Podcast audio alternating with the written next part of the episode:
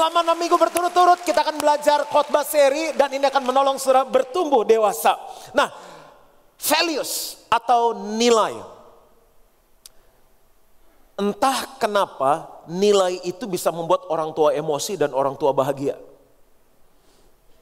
Kalau anak kita dapat 10 nilainya, orang tua bilang apa? Aha, ini baru anak papa. Kalau anak kita dapat 4, kamu nggak tahu papamu kerja banting tulang. Makanya lu jangan main game aja, itu bisa emosi lu. Nilai menentukan kebahagiaan atau emosi. Kita akan bahas nilai. Nggak seneng nilai ya kebaktian yang yang bernilai-bernilai, yang kinclong-kinclong di sini itu. Nggak suka. Luar biasa dari lima kebaktian ini yang paling rohani. Anyway saya akan tetap bahas Matius 5 ayat 13, nilai, values. Kamu adalah garam dunia. Kamu itu siapa?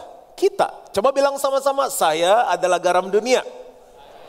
Jika garam itu menjadi tawar, dengan apakah ia diasinkan?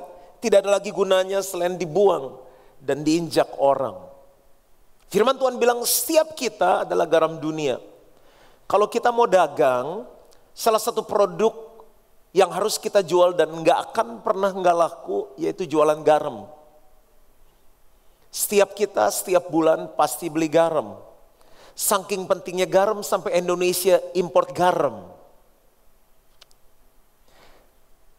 Karena garam, pabrik obat laku karena banyak yang darah tinggi. Itu luar biasanya garam. Karena sangat luar biasa saya bawa siang hari ini satu toples garam.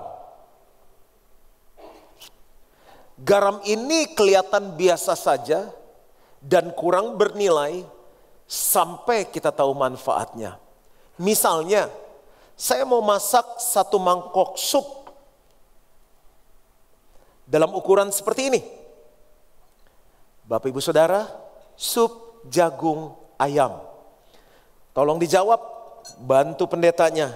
Kira-kira kalau sopnya satu panci seperti itu, garamnya kalau saya kasih Segini cukup nggak?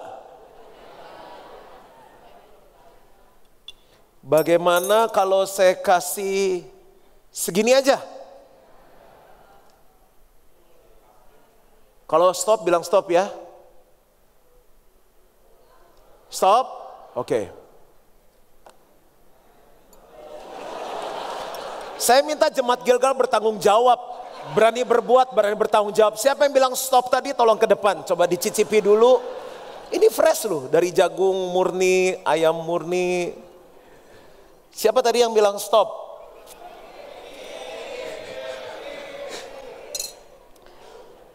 Supnya banyak, tapi garam sedikit sudah cukup. Apa yang kita bisa belajar dari sini? Jangan pernah bilang kita minoritas. Keluarga besar saya Kristen sendiri pak, diejek terus, dibully, nggak masalah. Dikit, tapi bisa kasih rasa asin. Tunjukkan bahwa bisnis kita beda, bisnisnya halal. Tunjukkan hubungan kita sama istri kita. Tunjukkan cara kita mendidik anak-anak kita. Tunjukkan tanggung jawab kita, kasihnya kita. Masalahnya begini, banyak orang garamnya udah nggak ada asinnya lagi. Jadi berita sukacita bagi yang belum dapat pasangan hidup.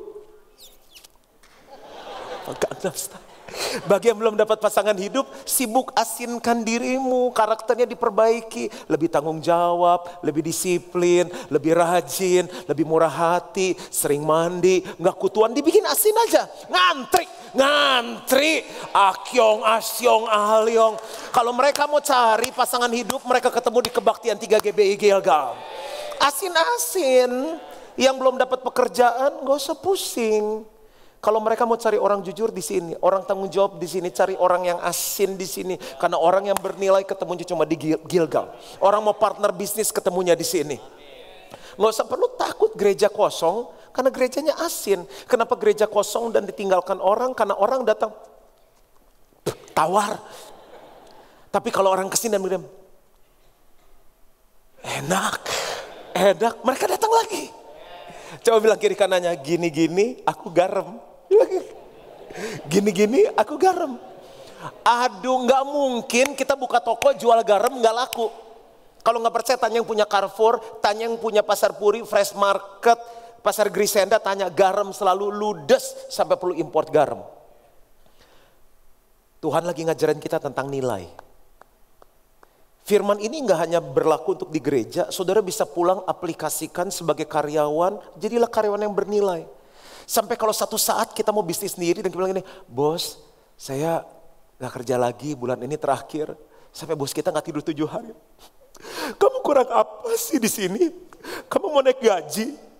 Kamu mau anak saya? Sampai bosnya, please jangan berhenti, please. Karena kita bernilai. Ampun, ampun, ampun. Mulai kebayang nggak? Ah ini yang kita mau bahas selama enam minggu. Bagaimana di perusahaan, company, corporate kita punya values, namanya corporate values. Bapak Ibu, kenapa sih kita bahas nilai? Karena Bapak Ibu datang ke gereja seumpama kita lagi naik kapal. Kalau kita naik kapal, nggak peduli seberapa bagus kapalnya, seberapa nyaman kapalnya, kalau kapalnya nggak nyampe-nyampe, pasti membosankan.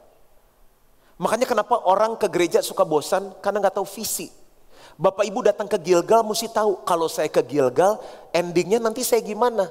Visi GBI Gilgal menjadi jemaat yang kuat. Pak kurang kuat apa anak saya tujuh? Bukan itu bro.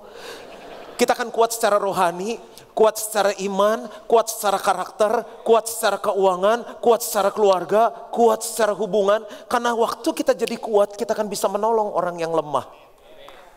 Nah orang yang gak ngerti visi dia mudah bosan. Makanya lagu itu merema di kiri kau ada, di kanan kau ada, di depan dan belakang salah di atas dan di bawah kau ada.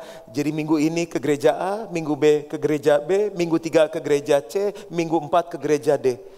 Karena nggak punya visi. Yang mana yang enak dia pergi nggak gitu dengan jemaat Gilgal semua orang yang naik ke perahu ini akan dibawa menjadi jemaat yang kuat masalahnya begini untuk sampai ke sana kita nggak boleh lakukan apa aja, mesti bernilai, mesti punya kelas. Misalnya, ada banyak orang pengen kaya, tapi ada orang kaya kerja keras, ada orang kaya menghalalkan segala cara. Jilat ke atas, tendang ke bawah, gaya kodok, ada yang begitu. Asal bapak senang. Ada yang udah nggak bisa bedain mana kakak, mana adik, dicia juga. Mana teman, mana lawan, dicia juga sama dia. Ada yang korupsi, menghalalkan segala cara, karena nggak punya nilai. Dalam kita bertumbuh menuju jemaat yang kuat harus punya nilai. Jadi dalam perjalanan mesti pegang nilai. Apa sih nilai? Nilai adalah sesuatu yang kita percaya, kita sepakati, kita pegang, kita hidupi bersama sehingga membuat hidup kita bernilai. Saya ulangi sekali lagi, apa itu nilai or values? Sesuatu yang kita percaya, kita sepakati, kita pegang, kita hidupi bersama sehingga membuat hidup kita bernilai. Anak-anak mana ada sih yang lahir keren pakai jas, pakai dasi, pakai sepatu pantofel, keluar dari rahim ibu dan bilang ini, selamat pagi dok, thank you banget lu udah bantu saya melahirkan. Gak ada. Semua lahir ompong, botak, oon. Makanya orang tuanya sekolahin, lesin, dikasih baju. Itu gelang kaki kan orang tua, anting orang tua yang tindik. Apa pun keadaan kita hari ini setelah kita belajar enam minggu, kita akan jadi pribadi yang bernilai. Mau bagi-bagi berkat hari ini, aku lagi seneng. Aku mau bagi berkat tisu. Siapa yang mau tisu? Ayo. I want to give blessing today. How many of you want to have my tissue? Come forward please. Ini buat Bobby. Tapi aku juga mau bagi CD aku yang judulnya Purless. Tiga seri akan menolong saudara hidup anti miskin dan selalu diberkati. Ada yang mau CD ini? Kalau Bapak beli di bawah 80 ribu rupiah, tapi saya kasih untuk Bapak. Terima kasih. Terima kasih. Kenapa waktu tisu lama banget sampai saya perlu bahasa Inggris baru ada yang ke depan? Kenapa tisu cepat sekali? Eh kenapa CD cepat sekali? Karena CD-nya lebih bernilai. Kalau tisu nggak akan tahan lama nih. Paling di sini muka agak minyak lap lap lap lap lap terus.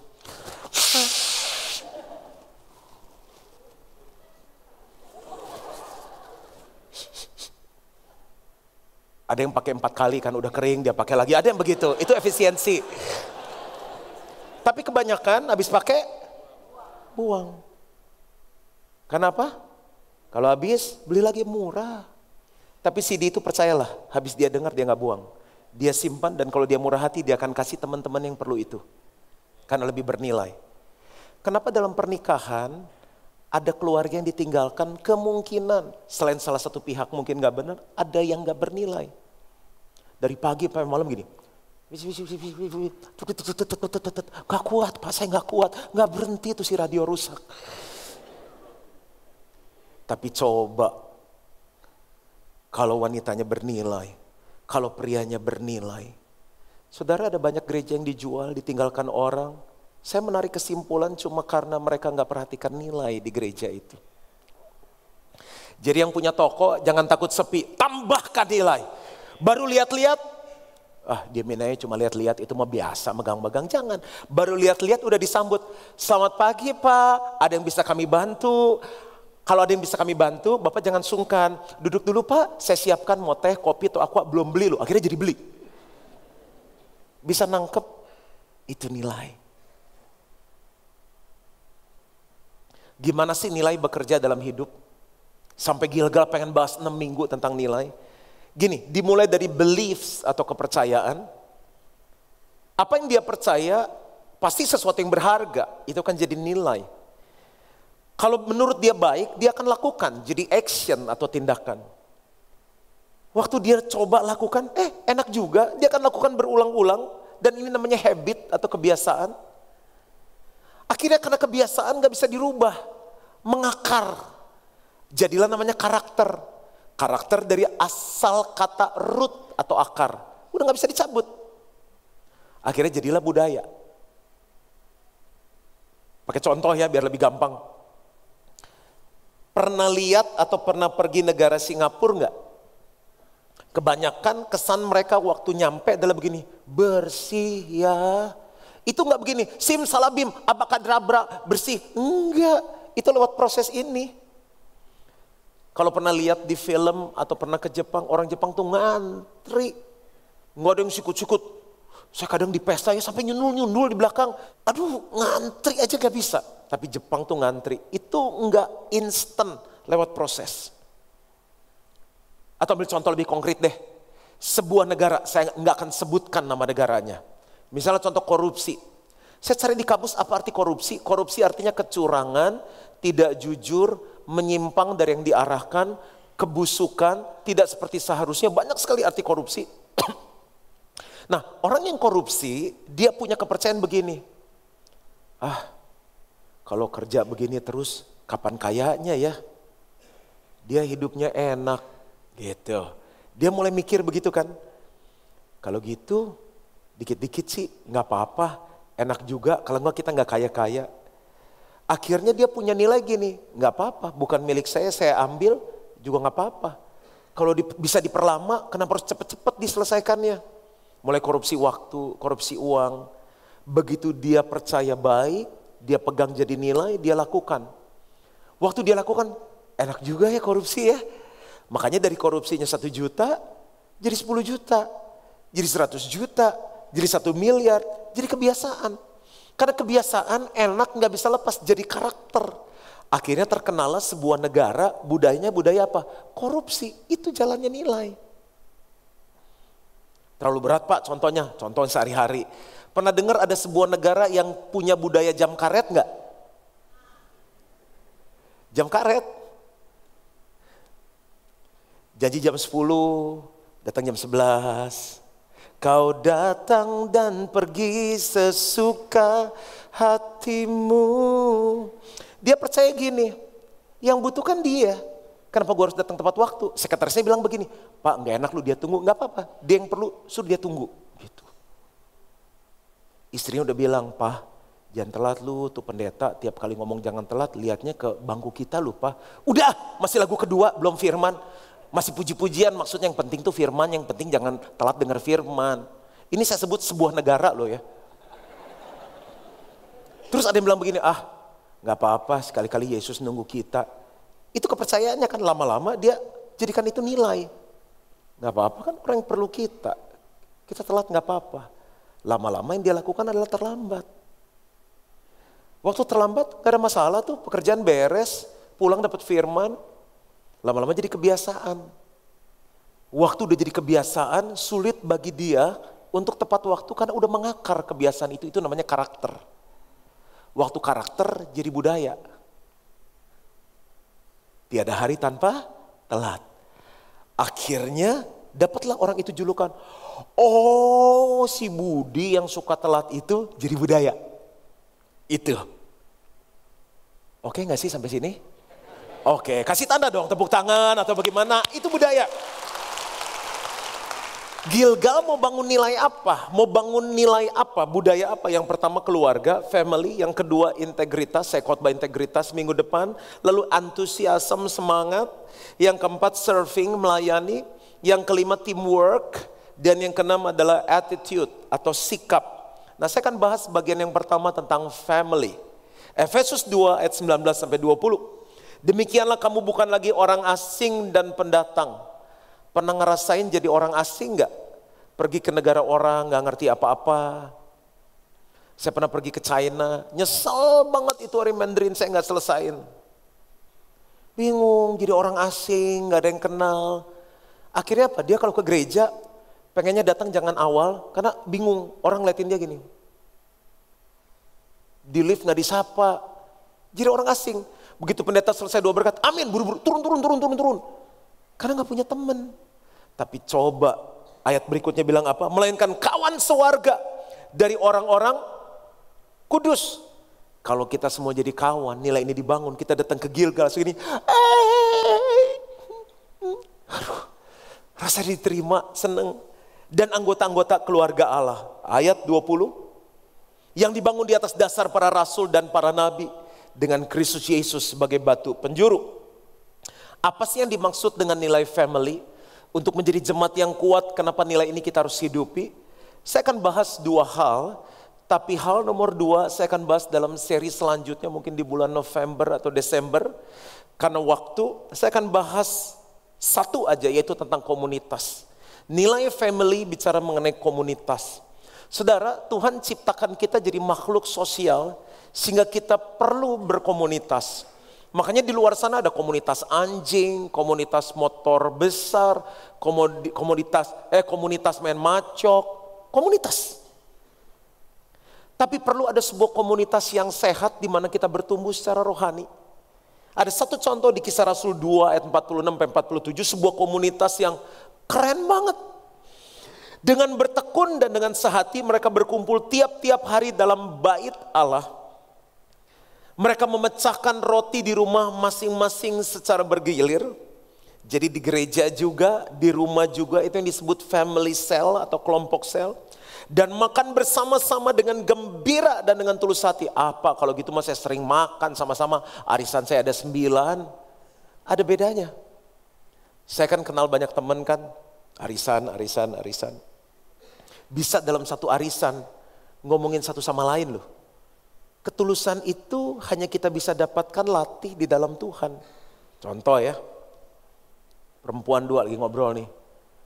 Menurut lu si itu kaya bener gak sih? Gue juga ragu kayaknya dia orang kaya baru deh. Kalau gue lihat juga tasnya KW tuh palsu. Bener ya? Sama, gue juga rasanya begitu. Itu mungkin yang 0% 12 kali bayar. Terus lagi ngomong-ngomongin dia, yang diomongin datang. Ini yang berdua lagi ngomong bisa berubah. Eh hai si cantik, ya ampun bagus amat tasnya. Seneng banget lo datang. Baru-baru ngomongin. Ketulusan hanya dapat di dalam Tuhan. Dunia ini lagi cari komunitas yang gak pakai topeng, yang real, yang otentik di sini. Sambil memuji Allah, ada plusnya. Bukan hanya makan-makan tapi memuji Allah dan mereka disukai semua orang. Ya ampun, lovable. Sampai orang-orang lihat komunitasnya kita begini. Aduh, I wish kalau aku bisa masuk di dalamnya aja. aduh gimana caranya ya bisa masuk dalam selnya Gilgal. Mereka disukai semua orang. Dan tiap-tiap hari Tuhan menambah jumlah mereka dengan orang diselamatkan. Bukan hanya orang suka, Tuhan aja sampai suka sama komunitas ini. Bayangin kalau sel 12 orang, family sel 12 orang, kelompok kecil. Tuhan tambahin terus tiap hari. Nanti malam kita akan doakan banyak pemimpin sel baru. Bayangin kalau satu tahun 365 hari dari 12 orang Tuhan tambahkan 365 orang. Karena setiap hari Tuhan tambahkan jiwa. Jadi 377. Kebaktian 5 nggak muat lagi kebaktian 6.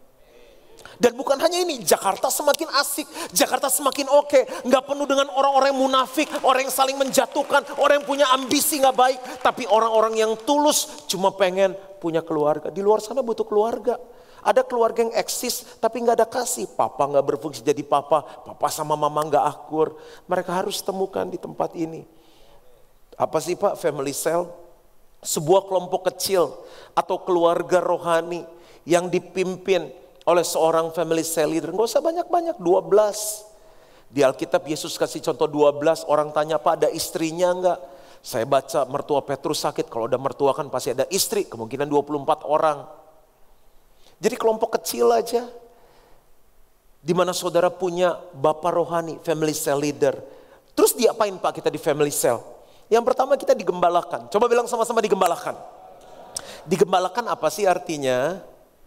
Didoain. Saya itu suka doa. Tapi jujur saya nggak sanggup doain 6000 orang nyebutin satu-satu nama. Kalaupun saya lakukan, aku akan kutuan karena nggak sempat mandi. Aku akan kurus sekali karena nggak sempat makan. Yang saya doain siapa? Pastor, koordinator, ketua sel, itu pun yang baru saya lagi hafalin sampai harus lihat list. Yang udah di tim saya, saya doain sampai anak, sampai mantu, sampai cucu, sampai masalahnya, sampai kerjaan, saya doain. Lalu yang lain gimana? Saya doakan secara umum Tuhan berkati semua jemaat Gilgal. Doa itu penting karena saat kita didoakan kita dijagai. Makanya kenapa 24 orang aja maksimum supaya ketua selnya, family cell leadernya bisa doain kita. Doa membentengi kita. Sehebat-hebatnya kita, kita perlu didoain. Kemarin itu habis doa pagi, saya syuting, urus kerjaan, janji sama anak saya pergi makan dan nonton.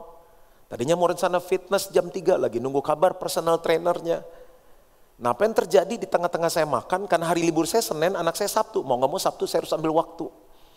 Aduh kok makan dada saya sakit sekali ya. Pas nonton, nonton Ninjago, 10 menit saya bilang begini, saya aku nggak tahan nih dadanya sakit sekali mau pulang. Setelah saya pulang, saya tidur, saya dekap dada saya. Apa yang saya butuhkan saat itu? Saya butuh orang yang berdoa untuk saya. Pendeta aja butuh didoain, apalagi jemaat. Siapa yang doain kita? Makanya perlu kelompok sel. Digembalakan artinya didoain, dikasih makan secara rohani, diperhatikan pertumbuhannya, dijagai, di cover. Gereja ini gedung, tapi kalau saudara mau ngalami keluarga yang sesungguhnya, saudara perlu ada dalam family cell dan di situ saudara digembalakan. Bolehkah saya minta secara cepat 24 orang pria yang keren-keren untuk naik ke atas? Bapak Ibu bisa bedain nggak pria-pria yang pakai kaos terbuka dan pria-pria yang pakai kaos dengan jas dan jaket? Pria-pria yang pakai kaos tanpa jaket adalah pria-pria yang percaya diri bahwa badannya bagus.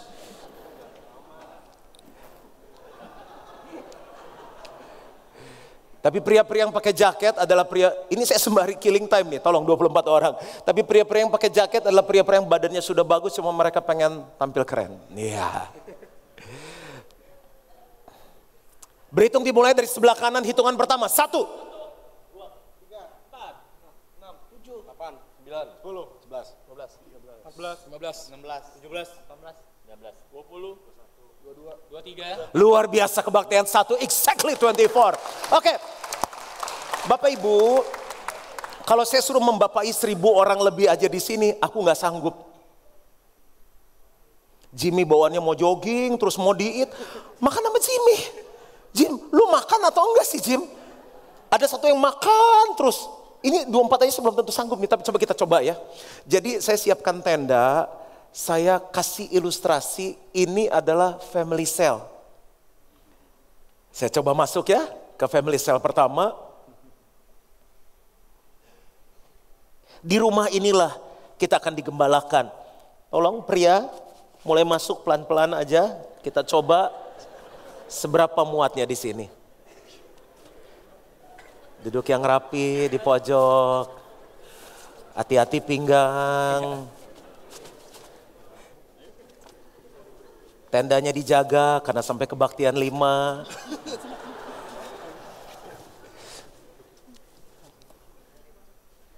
Nyaman segini? Kita masih bisa fellowship? Kalau udah nggak nyaman, stop. Oke, okay. tolong ke kelompok sel berikutnya duduk aja. Udah di vakum bersih.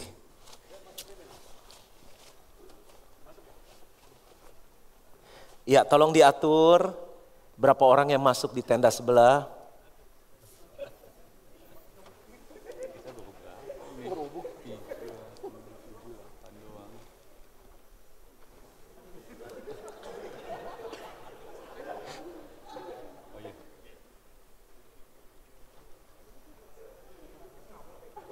Beres yang nggak bisa jangan jangan ada kekerasan, jangan ada pertumpahan darah, tetap di luar aja.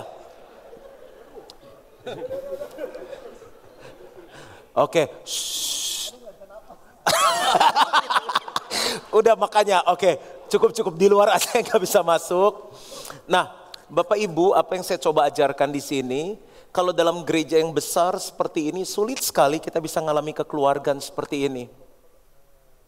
Karena di dalam rumah ini saya bisa bertanggung jawab mendoakan, mengukur pertumbuhan rohani, menjaga. Kalau ada yang berani ganggu, saya akan bilang, hus, hus. Kenapa? Karena saya menjaga mereka dalam kemampuan saya. Yesus kasih contoh 12 orang. Kenapa tenda sebelah seru amat? Nah, Bapak Ibu perhatikan orang-orang yang di luar itu, siapa yang akan menggembalakan mereka? Siapa yang akan mendoakan mereka? Siapa yang akan memberi makan mereka secara rohani? Siapa yang akan melindungi mereka? Oleh karena itu, masuklah di dalam family cell. Karena di dalam family cell kita akan digembalakan. Udah, boleh keluar sekarang. Ya, ya udah boleh keluar. Tepuk tangan dulu untuk pria-pria yang luar biasa. Itulah maksudnya family cell. Surah digembalakan dengan baik ada keintiman, ada kedekatan, ada care, ada kasih. Yang kedua, kenapa sih perlu family cell? Bukan hanya kita digembalakan, kita dimuridkan. Dimuridkan artinya apa sih? Dilatih dari yang belum bisa jadi bisa. Ada nggak orang yang datang ke gereja 10 tahun tetap nggak bisa apa-apa? Lagi makan sama-sama, pendeta aja bilang, ayo kita doa makan. Diam semuanya. Bapak pimpin doa makan. Di bawah terdengar suara kaki tendang-tendangan. Akhirnya doa siapa? Anak yang kecil. Tuhan Yesus terima kasih. Papanya udah 10 tahun di Gilgal gak bisa doa makan. Ini jemaat kebaktian jam 1 nih jujur gak? Jujur. Siapa yang belum bisa doa makan? Coba angkat tangan. Bener nih ya, bisa semua ya. Bener ya. Oke, saya mau hubungan baik. Saya minta tolong Kevin aja ya sebentar ke depan ya. Bener yakin nih?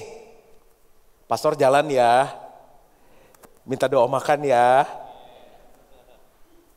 Ini saya cuma kasih contoh sederhana. Di sel itu saudara dilatih yang gak bisa ngampuni jadi bisa ngampuni yang gak bisa tunduk sama suami bisa tunduk sama suami. Yang gak bisa melayani bisa melayani. Yang gak bisa ngatur uang dengan baik ditolong bisa ngatur uang dengan baik. Ini sebuah ilustrasi sederhana. Kevin ini gak bisa doa makan. Jadi waktu di sel dia bilang gini, jangan aku kok, jangan aku kok. Tapi Kevin mau gak belajar doa makan? Boleh kok. Boleh ya. Nah, kamu baca doa ini.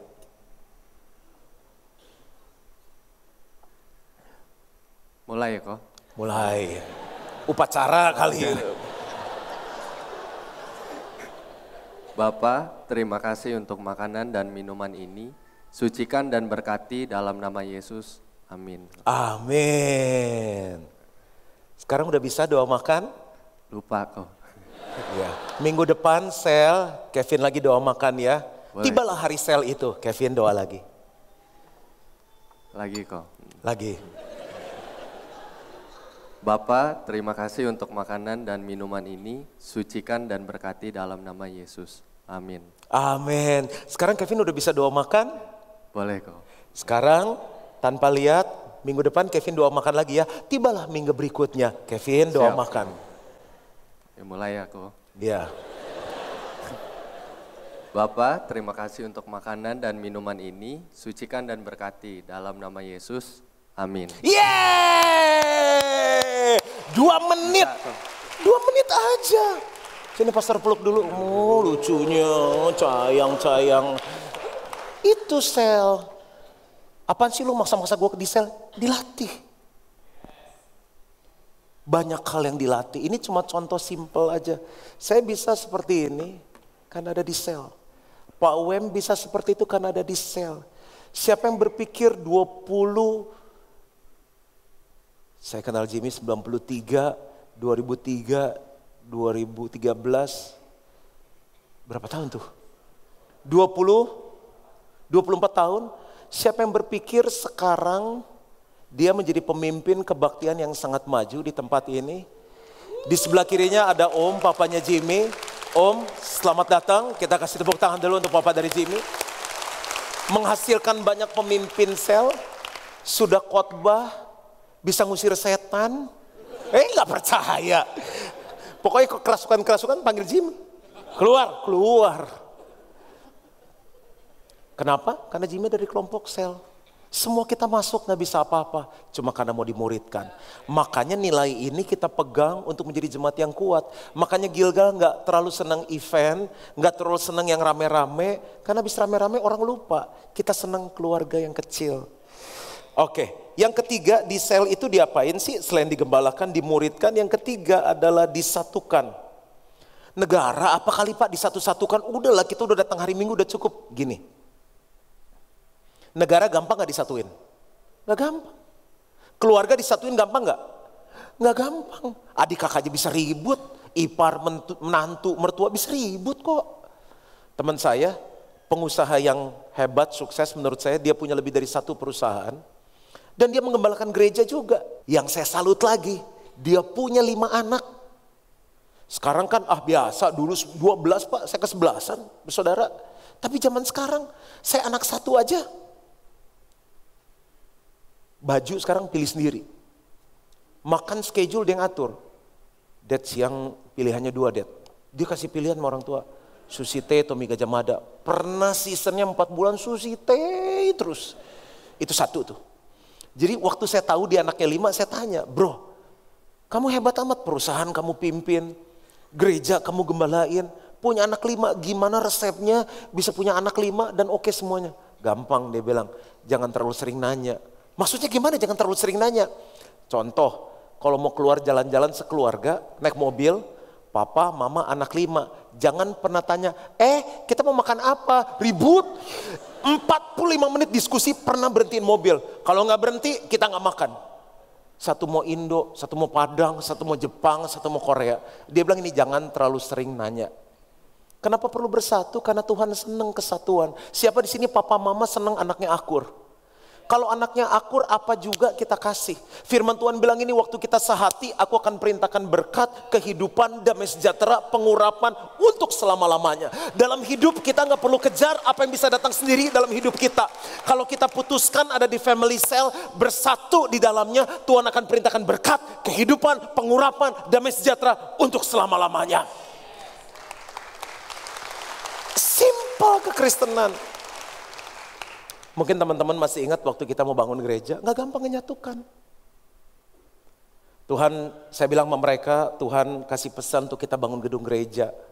Yang satu bilang begini, Pak, udahlah nggak usah Tuhan udah mau datang, sewa aja. Bagus juga. Yang satu bilang ini, Pak, kita beli ruko aja 20 kita bobol.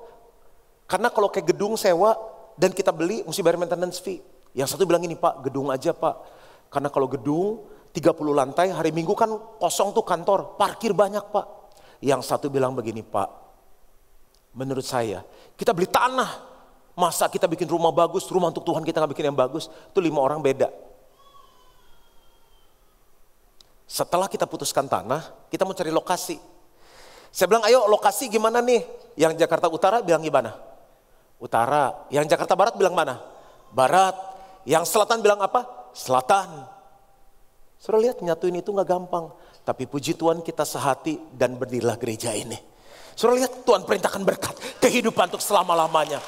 Di sel itu, nah saya itu kalau pendeta khotbah, saudara tepuk tangan respon, saya senang. Oh ngerti, oh nggak tidur.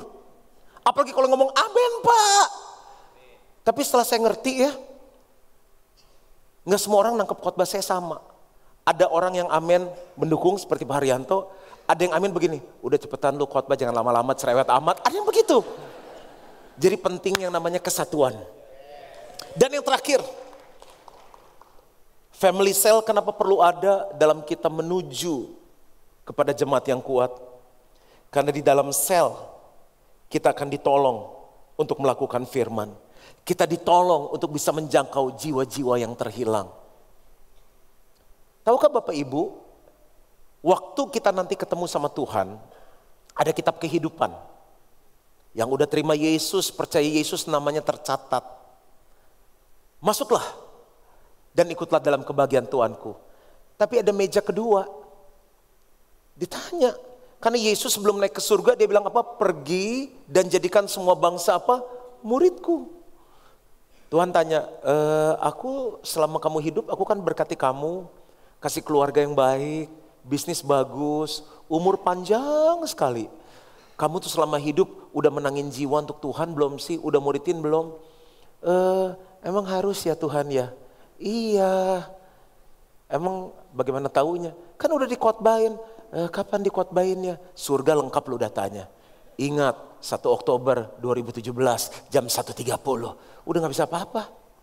Makanya bersyukur waktu hidup kita ada di dalam family cell, kita ditolong untuk bisa menjangkau orang-orang yang terhilang. Saudara kita harus jadi orang Kristen yang berbuah. Tepuk tangan dulu untuk Tuhan kita yang luar biasa. Jadi saya simpulkan khotbah saya hari ini. Garam kalau nggak asin, nggak ada gunanya selain dibuang dan diinjak orang. Tuhan nggak mau gereja nggak ada rasa. Oleh karena itu gereja harus punya nilai. Nilai yang pertama yang kita bangun adalah family. Jadi dalam kita menuju visi, sering ada nggak cocok, ingat kita keluarga. Bisa nggak satu saat saya nggak cocok sama Haryanto? Bisa, tapi Haryanto keluarga. Dia anak saya. Bisa nggak saya nggak cocok sama Bobby? Bisa, Bob kita bisa nggak cocok sekarang, abis ini kita makan bami lagi Bob.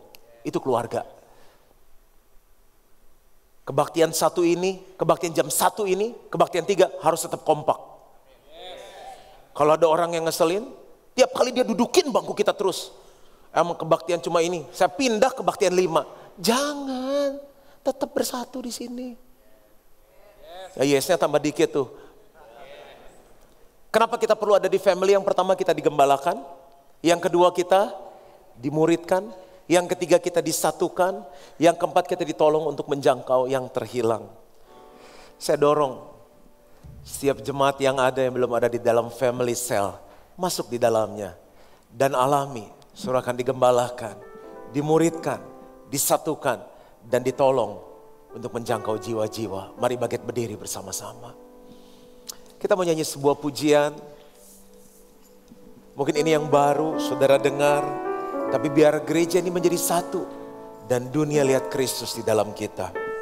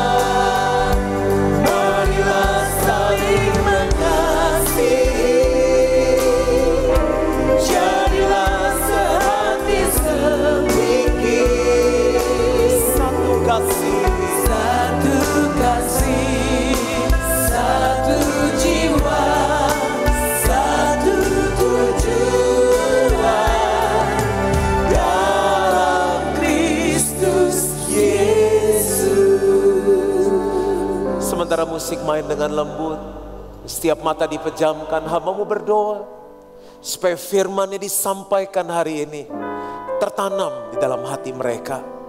Setiap kami membangun nilai kerajaan surga dalam hidup kami. Dan aku berdoa mereka yang sudah ada di family cell, mereka akan terus bersemangat mengalami Tuhan. Dan aku berdoa untuk mereka yang belum ada di family cell, biar mereka bisa masuk ke dalamnya dan mengalami apa yang Tuhan janjikan. Ini doa hambamu, dan aku minta di dalam nama Yesus. Dan semua yang percaya sama-sama katakan, Amin, Amin.